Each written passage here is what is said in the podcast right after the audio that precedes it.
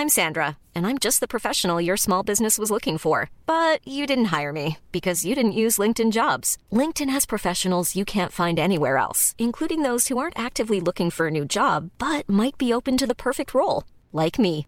In a given month, over 70% of LinkedIn users don't visit other leading job sites. So if you're not looking on LinkedIn, you'll miss out on great candidates like Sandra. Start hiring professionals like a professional. Post your free job on linkedin.com/people today. It's that time of the year. Your vacation is coming up. You can already hear the beach waves, feel the warm breeze, relax, and think about work. You really, really want it all to work out while you're away. Monday.com gives you and the team that peace of mind. When all work is on one platform and everyone's in sync, things just flow wherever you are. Tap the banner to go to Monday.com.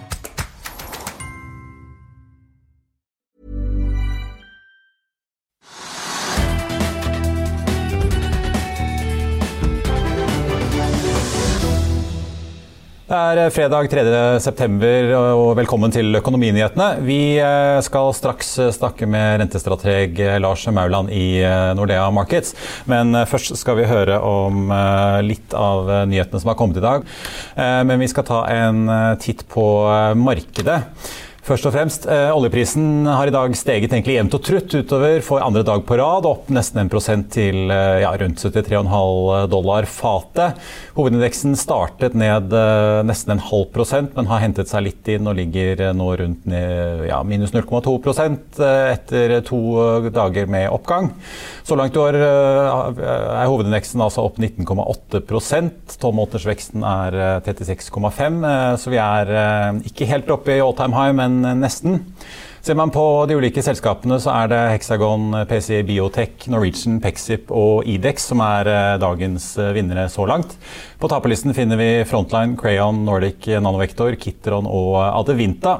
Norwegian fortsetter for øvrig opp rundt 2,9% etter det store aksjesalget som ble gjort av DNB Markets og ABG på vegne av kreditorene tidligere denne uken. I Europa er bildet litt blandet med en oppgang i Tyskland, Storbritannia og Stockholm, mens vi ser at indeksene i Frankrike og København er litt ned. En av nyhetene vi fikk i dag var de ferske boligpristallene for august. og De viser en oppgang på 1,9% eller 1% sesongjustert. Ifølge Eiendom Norge-sjef Henning Lauritzen så er oppgangen sterkere enn normalt for denne måneden. Og prisene er nå 9,4% opp det siste året, fra august i fjor altså. Mens i Oslo så er de bare opp 8,4. Bransjesjefen peker nemlig på at prisveksten var markant svakere i Oslo og nabokommunene enn ellers i landet. En trend vi nå har sett siden mars i år. Så hvorfor er prisveksten så sterk? Vi tok en prat med Lauritzen etter tallfremleggelsen tidligere i dag. Bare se her. Henning Lauritzen, Eiendom Norge. Var det overraskende sterk prisvekst i august? Ja, det var det helt klart. Vi hadde ventet omtrent det halve. Og hva kan man si om det? Hvorfor er det så sterkt uh, i år? En av forklaringene kan ha sammenheng med at det er en del steder som gikk uh, tilbake både i juni og juli, at de kanskje kommer tilbake. Men vi kan ikke forklare det fullt ut, hvorfor det slår så kraftig ut i august. Oslo gjør det dårligere enn normalt. Omkringliggende byer har en prisvekst på 3-4 hva er det som skjer? Jeg tror vi ser noe av samme forklaringen med de omkringliggende byene. At de kommer litt tilbake etter svak juni og juli. Men for Oslos vedkommende så er det nok at man leder litt an i et mer moderat marked. Og Vi kan også gå helt opp til nord og finne Bodø med Fauske. En tolvmånedersvekst på 16% så å si. Hva skjer i Bodø? Ja, vi tror nok Bodø ligger litt etter en del av de andre byene. Etterspørselen er fortsatt veldig sterk. og De har jo en boligprisutvikling som er der hvor landet, eller Oslo, var i, på vinter omtrent. Så vi kan heller ikke forklare det fullt ut for Bodøs vedkommende. Er det Bodø og Fauske som kan ende med den sterkeste prosentvise boligprisveksten i 2021? Ja, Som det ser ut nå, så kommer de til å ende med den sterkeste prosentvise veksten. Det hadde du kanskje ikke gjettet på forhånd? Det var i hvert fall ikke blant de tingene vi hadde sett for oss. I tillegg til boligpristallene så slapp også Nav ferske tall i dag, som viste at 75 800, eller 2,7% av arbeidsstyrken var registrert som helt ledige ved utgangen av august. Det er det laveste vi har sett på ledigheten siden februar i fjor, altså før pandemien slo til. Nav-direktør Hans Christian Holte peker på at ledigheten nå også er lavere enn den toppen vi så under oljebremsen på det verste i 2015 og 2016, og at eh, mye av det fallet vi nå ser, kommer av at færre er permitterte og blir hentet tilbake til jobb. Totalt var det 140 200 som var helt delvis eh, ledige eh, eller arbeidssøkende på tiltak per august. Det tilsvarer 5 eh, totalt og er ned rundt 11.500 fra juli. I dag har det Sortland-baserte oppdrettsselskapet Anfjord Salmon sluppet sine Q2-tall. Aksjen reagerte lite på tallene fra selskapet fredag formiddag. Selskapet som ble etablert i 2014 hadde ingen inntekter i kvartalet og endte eh, med et resultat etter skatt på minus 7 eh, millioner, en forverring fra minus 5 eh, på samme tid i fjor. Selskapet har konsesjoner på 10 000 tonn laks, som de nå skal bruke på å bygge ut en ny type oppdrettsanlegg som selskapet har utviklet, og som skal både være lusefritt og rømningssikkert. I løpet av kvartalet har selskapet fullført sitt eh, første basseng for smolt, som snart er klar for å fylles eh, med vann. I USA ser vi at den globale chipmangelen, altså mangelen på halvledere, fortsetter å prege verdenshandelen. For nå melder den amerikanske bilgiganten General Motors om at de stanser produksjonen ved nesten alle sine anlegg i USA fra og med mandag, som følge av chipmangelen som rammer hele bilindustrien. Siden det er fredag og det er på tide å oppsummere uken litt, så har vi fått besøk av deg, Lars Mauland, rentestrateg i eh, Nordea Markets. Velkommen til oss. Takk, takk. Du, eh, dere kom jo med ferske prognoser eh, denne uken. Det gjorde for så vidt også SSB, så det var en, en hektisk makrouke. Først og fremst, da, nå fikk vi boligpristall på toppen av dette her. Hva tenker du når du hører det at veksten fortsatt er overraskende stor, men vi har et skille fra med Oslo og omegn som, som ligger litt Eh, lavere an? Litt vanskelig å si. Oslo var vel en av de områdene som gjorde det best i fjor. Og har gjort det bra i lengre tid, så kanskje ikke naturlig at det dabber litt av der. Realitetsorientering, kanskje? Ja, kanskje det. Det har jo blitt ganske, ganske dyrt. Men vi, vi, ser jo for oss en, en avmatning i boligprisene fremover. Som på reaksjon på at vi, vi får rentehevinger nå i start denne måneden her.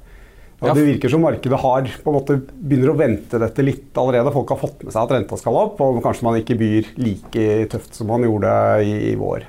Ja, for Nå er det jo rentemøte i Norges Bank 23.9, så det er rett rundt svingen. Ja. Eh, er det noe tvil om at det kommer en renteøkning? Nei, det, da, det, man skal aldri si aldri, men da skal det skje en, en stor katastrofe et eller annet sted for at de skal holde igjen. De har vært veldig veldig tydelig uh, i sin kommunikasjon. Uh, I juni så sa de, de at de skulle heve renten hvert kvartal det neste året. Og, og, vi kan ikke, selv med økende deltasmitte, som, som Norges Bank ikke la så mye vekt på det, på det møtet de hadde i august, så, så tror vi ikke det er nok til å, å få dem til å gå bort fra den planen sin. Eh, hvis vi sammenligner, Dere venter jo eh, syv renteopp fremover totalt sett. Eh, ja. Hvis man sammenligner deres prognoser med de som kom fra SSB, som for så vidt har jekket opp sine forventninger til norsk økonomi, da. og det Norges Bank sa ved forrige pengepolitiske rapport, så, så ligger jo ja, dere an til 1,75% styringsrente opp fra null i dag. Da ja. i 2024 Nei, de, altså i 2023. De andre mm. kommer etter i 2024. Dere er litt mer ja, bull på, på renten. Hvorfor det? Vi tror at Norges Bank er veldig interessert i å få renta tilbake til et normalt nivå. Eh, de har også sagt at eh, man trenger ikke en så lav rente nå som økonomien er i ferd med å normalisere seg. Og jeg tror ikke vi har så veldig ulikt syn eh, på Norges Bank på hva som skjer det neste året drøyt. Men så er nok vi litt mer tilbøyelig til å tro at også inflasjonen kommer tilbake til målet uh, når man ser liksom en sånn 18 måneder til, til, to år frem. Der har Norges Bank en ganske lav prognose, spesielt på importert prisvekst. Det er derfor også de har uh, en litt lavere renteanslag enn oss. Det er i hvert fall uh, hovedgrunnen. Vi tror at vi også, et sterkt arbeidsmarked vil presse lønningene oppover. Og så tror vi også at med det vi ser, du nevnte jo skipmangel bl.a., som gir økt prisvekst. Vi ser også at arbeidsmarkedene globalt går går veldig bra. Det er veldig god etterspørsel. og Det vil også gjøre at eh, prisveksten på importerte varer vil bli litt høyere enn vanlig eh, de neste årene. og Det vil også trekke opp norsk inflasjon noe. Ja, Alle som pusser opp, har vel merket at uh, alt som har med plank å gjøre, også har blitt ganske mye dyrere? Ja, absolutt. Veldig mye har blitt, har blitt dyrere. og med som sagt, Vi ser for oss også et godt norsk arbeidsmarked med, med sterk etterspørsel etter arbeidskraft. Vi har aldri hatt så mange ledige stillinger i Norge eh, som vi har nå. Eh, du var jo også inne på arbeidsmarkedstallene som vi fikk i dag. Ledigheten har nå falt med 0,3 prosentpoeng hver måned siden vi åpnet opp i, eh, i, eh, i april. Og, og, hvis det fortsetter to måneder til, så har vi da samme ledighet som vi hadde før pandemien. Så så fort kan det gå. Da var det over, si. Ja. Men altså, dere anslår jo at vi får en vekst i fastlandsøkonomien i år på 3,9 ja. Samme neste år, før ja. dere begynner å roe det ned til 1,3 mm. Eh, det er en ganske bra trøkk også egentlig hele neste år, da, før det begynner å roe seg litt ned? Det tror vi. Eh, husholdningene har ufrivillig spart veldig mye penger under denne pandemien. Fordi det er veldig mye man ikke har kunnet bruke penger på. Eh, I sum så har husholdningene spart noe sånn som 12-13% av disponibel inntekt. Det tilsvarer altså et lønnsvekst på 12-13 i, i sånne termer. Og det virker som eh, folk er veldig interessert i å få brukt opp disse pengene etter hvert. Etterspørselen er kjempestor. Man har mye kall pent up demand på godt norsk. Det er mange som er reiseklare og reiseklar, restaurantklare og hotellklare. Restaurant, og du, hvis du prøver å booke bord på en bra restaurant nå, så er det lange, lange ventelister. Eh, og reiselyst, Folk vil reise, man det har ennå ikke helt sluppet tak i. Er det enda noen begrensninger. Det ser vi for at, at det også etter hvert blir eh, lempet på, sånn at man kan også bruke mer penger på å reise. og eh, ja, det, er rett og slett stor etterspørsel. Se på bedriftssiden også. Mange investeringer som har blitt holdt tilbake gjennom pandemien. Der tror vi også det blir god investeringsvekst eh, de neste par årene. Det skal også brukes investeres mye statlige penger, det grønne skiftet osv. vil gi ekstremt god vekst, tror vi, i norsk økonomi de neste årene. Nå eh, har jo sentralbanksjef Øystein Olsen meldt eh, at han eh, gir seg i februar. Eh, da skal han bli pensjonist. Hvem tror du overtar det? Ja, det er veldig vanlig. Jeg er ikke noen ekspert på, på, dette her. og Det er jo sikkert litt politikk i det. Jeg ser at man har spilt inn noen eh, gamle politikere her. ja, Jens Stoltenberg ble jo nevnt. Kanskje han gjør et comeback fra Brussel? Ja. ja. Eh, for min del så håper jeg jo at det blir en, en økonom. Men, men, det er klart det henger jo også litt sammen med at en stor del av denne jobben er jo også en styring av oljefondet, som kanskje er, blir mer og mer politisk. da, Det ser vi. Men selve pengepolitikkdelen uh, ser jeg kanskje helst blir styrt av noen med, som, som, som, kan faget godt. Jeg tror at det er, det er viktig. For, det kommer litt an på hvordan, hvilke føringer som blir lagt i, i forhold til hvor oljefondet skal ligge i, i tiden fremover. Vi får se når uh, søkelisten kommer. Ja. Uh, uansett, hvem enn som tar over, skal jo sitte og titte litt ut vinduet, se på hva resten av verden gjør. Ja. Uh, når dere nå har laget disse nye prognosene og ser på utviklingen i Norge versus nabolandene våre, Europa og USA, hvordan ligger egentlig Norge an? Vi ser jo nå at regjeringen vil vaksinere barn helt ned i tolvårsalderen. Ja. Eh, er det sånn dere regner med at utviklingen i Norge vil ligge omtrent på nivå med landet rundt oss? Eller? Med landene rundt oss, Sverige og Danmark, som er veldig naturlig å, å sammenligne seg med. Danmark er jo der allerede. at De skal, eh, de skal vaksinere tolvåringer. Eh, vi ser en veldig stor diskrepans eh, på kalle sykehusinnleggelser, eh, alvorlighet av denne deltasmitten, avhengig av hvor høy vaksineringsgraden er. Den er jo veldig høy i Norden og er på ytterligere på vei opp. Norge ligger jo veldig veldig høyt oppe der. Og vi ser i, i USA, f.eks., ta det som et eksempel vaksineringsgraden er litt sånn midt på treet, men den er veldig delt mellom Det er store sprik mellom store noen stater i sør og nordøst. Republikanske, og demokratiske stater, typisk.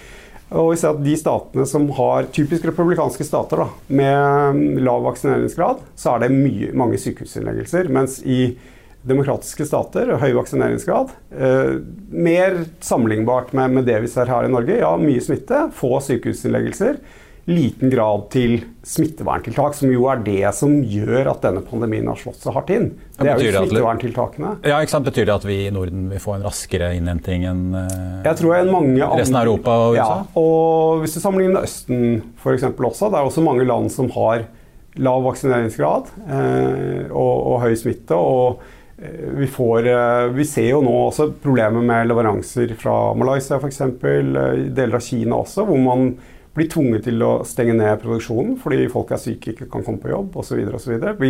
Det gjør kanskje at effekten av denne pandemien på tilbudssiden da, vil vare ved en stund til, og kan også være med på å dytte prisene ytterligere opp. Eh, vi skal titte litt fremover. Eh, I hvert fall en snau time fremover så kommer jo de viktige jobbtallene fra USA for august. Vi så i juli at uh, sysselsettingen økte med 943 000. Ledigheten falt med et halvt uh, prosentpoeng til 5,4. Mm. Uh, hva venter du for august? da? Holder USA-takten, eller? Veldig vanskelig å gjette på disse tallene. Det er en del støy fra måned til måned. Det så vi særlig under pandemien i fjor. Veldig store korrigeringer i etterkant. Eh, det er nok litt enklere nå å gjette, på tallene. Det virker jo som det er veldig bra eh, trøkk i det amerikanske arbeidsmarkedet. Vi hadde en måling fra amerikanske småbedrifter. Eh, og halvparten av små bedrifter er på utkikk etter nye folk. Det er eh, skyhøyt over det vi har sett tidligere. Eh, i USA er det flere ledige stillinger enn det er antall arbeidsledige. Noe av det som har holdt folk igjen, er for det første frykt for å bli smitta, naturlig nok. Eh, skolen har vært stengt, så folk har måttet være hjemme og passe på barn. Og så har det vært gunstige, veldig gunstige ledighetsordninger til USA-været. Sånn at eh, en del av de mest lavtlønte, for dem har det faktisk lønt seg å holde seg hjemme. Ja, for fått stor, altså, sjekker fra myndighetene ja. med ja. kontantstøtte, rett og slett? Ja. Uh, disse ordningene er i ferd med å bli windet ned, uh, på godt norsk. Uh, I republikanske stater så er de avviklet, alle sammen. I de resten av statene så blir de avviklet i løpet av september.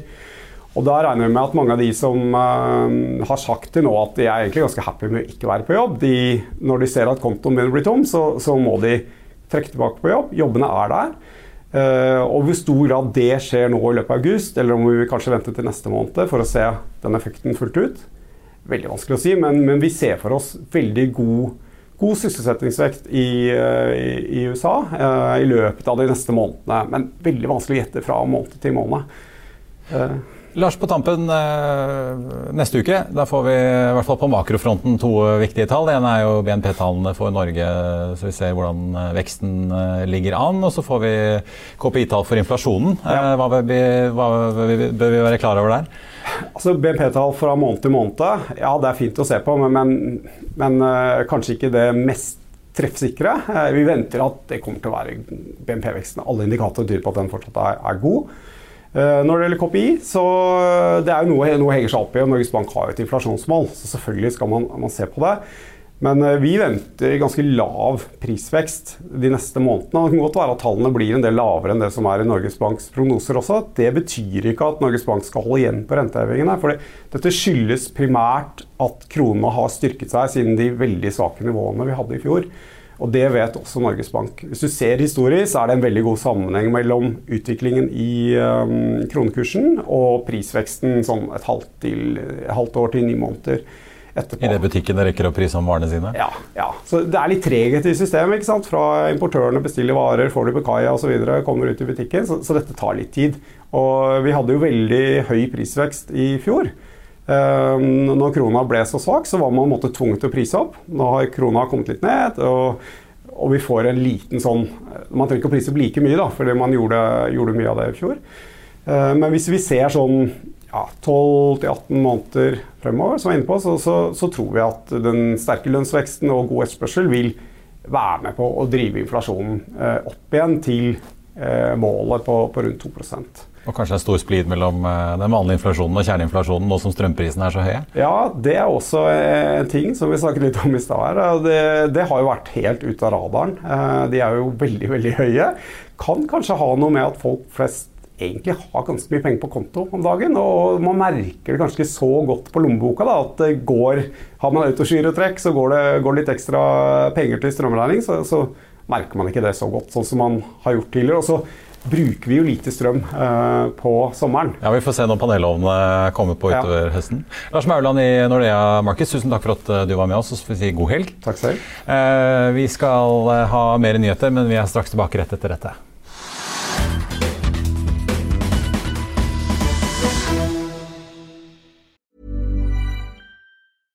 I'm Sandra, and I'm just the professional your small business was looking for. But you didn't hire me because you didn't use LinkedIn jobs. LinkedIn has professionals you can't find anywhere else, including those who aren't actively looking for a new job but might be open to the perfect role, like me. In a given month, over 70% of LinkedIn users don't visit other leading job sites. So if you're not looking on LinkedIn, you'll miss out on great candidates like Sandra. Start hiring professionals like a professional. Post your free job on linkedin.com/people today. I'll see you in court. Vi sier det ofte litt på spøk, men for deg som driver business, er det aldri moro å innse at du ikke har laget en 100% gyldig kontrakt. Du bør ikke risikere hele firmaet ditt fordi du synes dette med kontrakter er litt stress. En avtale er ikke en avtale. Du kan miste kunder, miste venner, ja, til og med miste inntekter om du ikke lager en skikkelig kontrakt, på alt mulig, egentlig. Men vi vet det er et styr. Kopimaskiner, tregprinter og haugevis av papir. Dessuten stoler vi jo på folk her i landet. Det er ofte litt kleint å skulle be om en signatur for alt mulig, ja, for mye av styret handler også om jakten på underskriften. Det finnes en enkel måte å løse dette på, Dukkobit, en trygg, effektiv og get this, gratis måte å sikre seg en god natts søvn pluss en juridisk bindende avtale. Dukkobit-appen har de strengeste sikkerhetskrav i bunn, samt en EU-godkjent og sertifisert teknologi. Framover vil det bli behagelig å spørre du, skal vi skrive under på det, eller? Kom i gang på dukkobit.no. Hydrogenselskapet Hynion, som driver med fyllestasjoner for biler og lastebiler i Norge og Sverige, kaster seg nå inn i båtbransjen på en måte. Vi tok en prat med sjefen i selskapet, Ulf Hafselv, for å høre om planene, og hvorfor han tror hydrogen kan være løsningen for å gjøre båtbransjen grønn. Ulf Hafselv, administrerende direktør i Hynion, velkommen og takk for at du tok deg tid til å være med oss i dag. Eh, før vi kaster oss over båtmarkedet, kan ikke du gi oss en liten sånn oppdatering på hvordan det står til? Jeg ser aksjen din eh, stiger en 6,8% nå fra start på denne nyheten, men eh, selve businessen, dere har jo nå ja, to stasjoner. En i Høvik, dere har tatt over en i Stockholm, og så har dere to til på vei om ikke så lenge nå i Porsgrunn og Gøteborg. Hvordan går hydrogenbusinessen om dagen? Ja, tusen takk for invitasjonen, Marius. Veldig hyggelig at uh, vi kunne komme hit og snakke litt. Jeg er jo veldig glad i hydrogen og har vært det i veldig mange år. Så jeg syns at tiden nå er veldig positiv. Veldig spennende dette samarbeidet nå med Hyrex, hvor vi ser at vi også kan begynne å få hydrogen inn på den maritime siden i dette skal vi si, privatbåtmarkedet i første rekke her. Ja, for dere har jo dere har holdt på i denne bransjen lenge, men dere kommer jo dere på børs eh, nå i år, så dere er jo litt nykommere på, på den måten. Men eh, fortell litt om eh, bare før vi kommer i gang med båt, altså Dere skal ha åtte stasjoner innen utgangen av neste år eh, totalt. Eh, går den utrullingen etter planen, eller? Ja da, det ser fint ut. det. Nå har vi da som sagt eh, Stockholm og Høvik i Oslo Eh, opp og går, eh, så er Gøteborg og mm, Porsgrunn under eh, resertifisering og ombygging. Så de regner med å ha klar i løpet av få uker. Og så har vi også en del andre i pipeline som gjør at vi absolutt tror vi skal nå dette målet om åtte stasjoner innen utgangen av neste år. Og Da tipper vi også at en av de blir egnet for å fylle båt, slik at vi kan gjøre en kombinert løsning hvor båt og landgående kjøretøy kan fylle på samme stasjon. Ja, for Fortell om dette samarbeidet med, med, Hyrex. Eh, det blir jo da denne stasjonen i Porsgrunn eh, som allerede i høst skal kunne fylle på båter. Men det er vel ikke så mange sånne båter ennå? Er, er, det omtrent bare Hyrex sin, sin, konseptmodell som eh, kan bruke dette drivstoffet? Ja da, det blir det. Og første omgang så sier vi at vi, vi kan etablere en liten fyllestasjon for å fylle bare den båten. Men da fant vi ut at det er mye enklere å bare kjøre den på en henger inn til Porsgrunn og fylle opp på stasjonen der. Og så planlegger vi hvordan vi skal eh, ta neste eh, fase med Hyrex, hvor de skal ha flere båter i drift til sommeren neste år.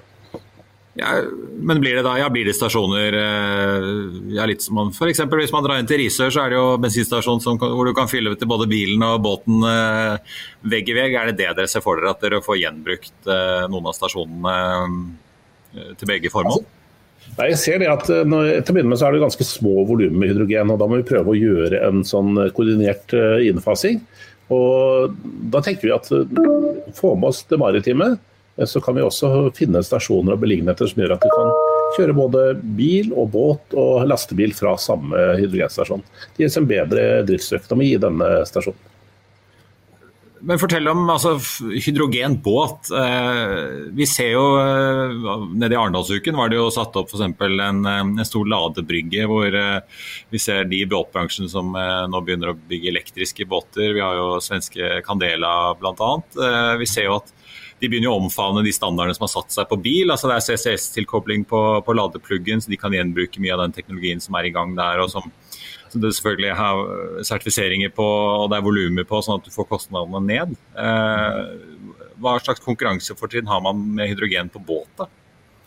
Det er jo raskt å tanke. Altså, du, du skal ha med ganske mye energi på båten for å holde en god stund, og da er hydrogen raskt å fylle over. Så 5-10 minutter så har du fulle tanker og kan kjøre i dagevis med, med, den Hyrex-båten som, eh, som, de har vist av en High Cruiser. Og vi er jo, altså Hydrogentanking er jo standardisert eh, worldwide. Den fyllepistol og fyllenossel som man bruker på dette, er eh, standard verden over. og det vil si at Du kan ta med deg båten din hvor som helst og tanke en marina i Sør-Frankrike eller Thailand om du måtte ønske det. Ja, hvor er det dere ser potensialet er størst, egentlig? I Norge har vi jo ja, rundt 600 000 fritidsbåter som tøffer rundt på bensin eller diesel. Eh, er det det markedet at dere skal bytte ut eh, de marinaene, eller i hvert fall tilby hydrogen på de marinaene som allerede er, siden man kan kjøre rundt i noen dager? Eller er det større yachter og større fartøy uh, utaskjærs, litt som du refererer til i Middelhavet, som dere tror kan bli liksom, det virkelig store potensialet her fremover? Ja, vi tror at vi skal ha eh, litt av begge deler. Eh, spennende synes jeg var å se noe om eh, redningsskøyta, som ønsket å få en nullutslippsbåt i Oslofjorden i 2023. Den er jo typisk egnet for hydrogen. Tilsvarende mindre båter og jeg tenker meg reketråler og andre ting som går rundt og, og, kommer tilbake til samme havn. Det gjør de fleste båtene. Sånn Småbåttrafikk langs kysten er veldig egnet for hydrogenbruk. Og så har vi da hele fritidsbåtmarkedet og Det er jo utrolig deilig da, tenker deg at du er på fjorden og nyter stillheten og freden, og så kan, du, kan båtene bare suse forbi, og allikevel så bråker det ikke noe voldsomt. Og det er ikke noe dieselstank eh, etter disse. Så det blir jo et bedre liv for alle som har fritidsbåter også ute på sjøen. Den yngre eksbåten er jo en uh, daycruiser som den har jo et batteri om bord også, så det er jo egentlig en slags plug-in-hybrid. Bare at istedenfor å fyre opp en bensinmotor, så fyrer den opp uh, hydrogenbrenselcelle. Uh, ja. Men hvis man ser på historien, så har jo de siste ja, kanskje 10-15 årene så har det vært snakket om at hydrogen kommer til å ta på bil, og så har vi jo sett at uh, ikke bare småbiler, men uh, til og med Ford og GM uh, kommer jo nå med svære pickup trucks, enten det heter Hummer eller FN50 Lightning, som også skal gå på batteri. hva er det som gjør at du tror det blir annerledes i, i båtbransjen? da? Altså det, du kan gjøre mye med batteri, men er det den smarteste løsningen? Uh, hvis vi ser på en Audi E-tron f.eks., så veier den 2,6 tonn mot en hydrogenbil uh, tilsvarende som veier 1,9 tonn. Så har du en 700 kg dødvekt med deg på dette. I tillegg så får du kortere rekkevidde og lengre tankingstid. Så det blir litt valg. Hva syns folk passer? Er batteriløsningene det gode, så bruker de det. Men vi tror at det kommer til å bli ganske mye behov for hydrogenløsninger også. Og vi møter jo stadig folk som sier at nei, jeg kjøper ikke elbil ennå, jeg venter på hydrogenbil. Eh, det var et program på NRK nå også hvor det var en del kommentarer om dette, eh, hvor folk sa nei, vi venter på hydrogenbilen. Så vi, vi, tror at dette markedet er eh, vil skiftes ut eh, bensin og hydrogen med el, nei, bensin og diesel med el og hydrogen. Slik at eh, vi får valgmuligheter, slik at du kan treffe gode valg for ditt behov. Til slutt, nå ser vi jo at uh, det begynner å komme noen elbåter. Og så har vi da denne Hyrex uh, hydrogenhybriden, hvis vi kan kalle den det. Som uh, ja, på det meste, i hvert fall som dere skriver, skal klare å gå 250 nautiske mil. Eller en, ja, rundt 46 vanlige mil. Mm. og Dere skal jo begynne å rulle ut av disse fyllestasjonene neste år mer. Når tror du at vi kan begynne å se flere hydrogenbåter på markedet? da? Kan det skje allerede neste år? Jeg tror Hyrex har gode ambisjoner om å få flere båter ut på vannet. Eh, dette er jo bare starten som vi snakker om nå. at eh, Slik er eh, det første mm, skrittet inn i dette markedet. Og så håper vi da på at vi også kan få andre løsninger, sånn som Redningsselskapet som jeg nevnte, og, andre brukere. Som kan komme inn med ulike båttyper, slik at det blir et variert og spennende båtmarked. Ulf Hafsevli Hinjon, takk skal du ha for at du var med oss.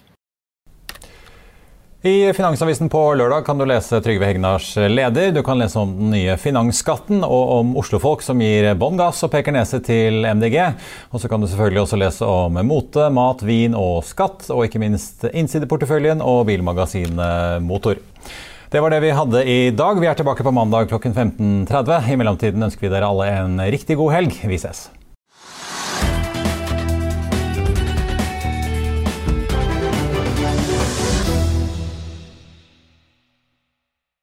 Økonominyhetene er en podkast fra Finansavisen. Programledere er Marius Lorentzen, Stein Ove Haugen og Benedikte Storm Bamvik. Produsenter er Lars Brenden Skram og Bashar Johar. Og ansvarlig redaktør er Trygve Hegnar.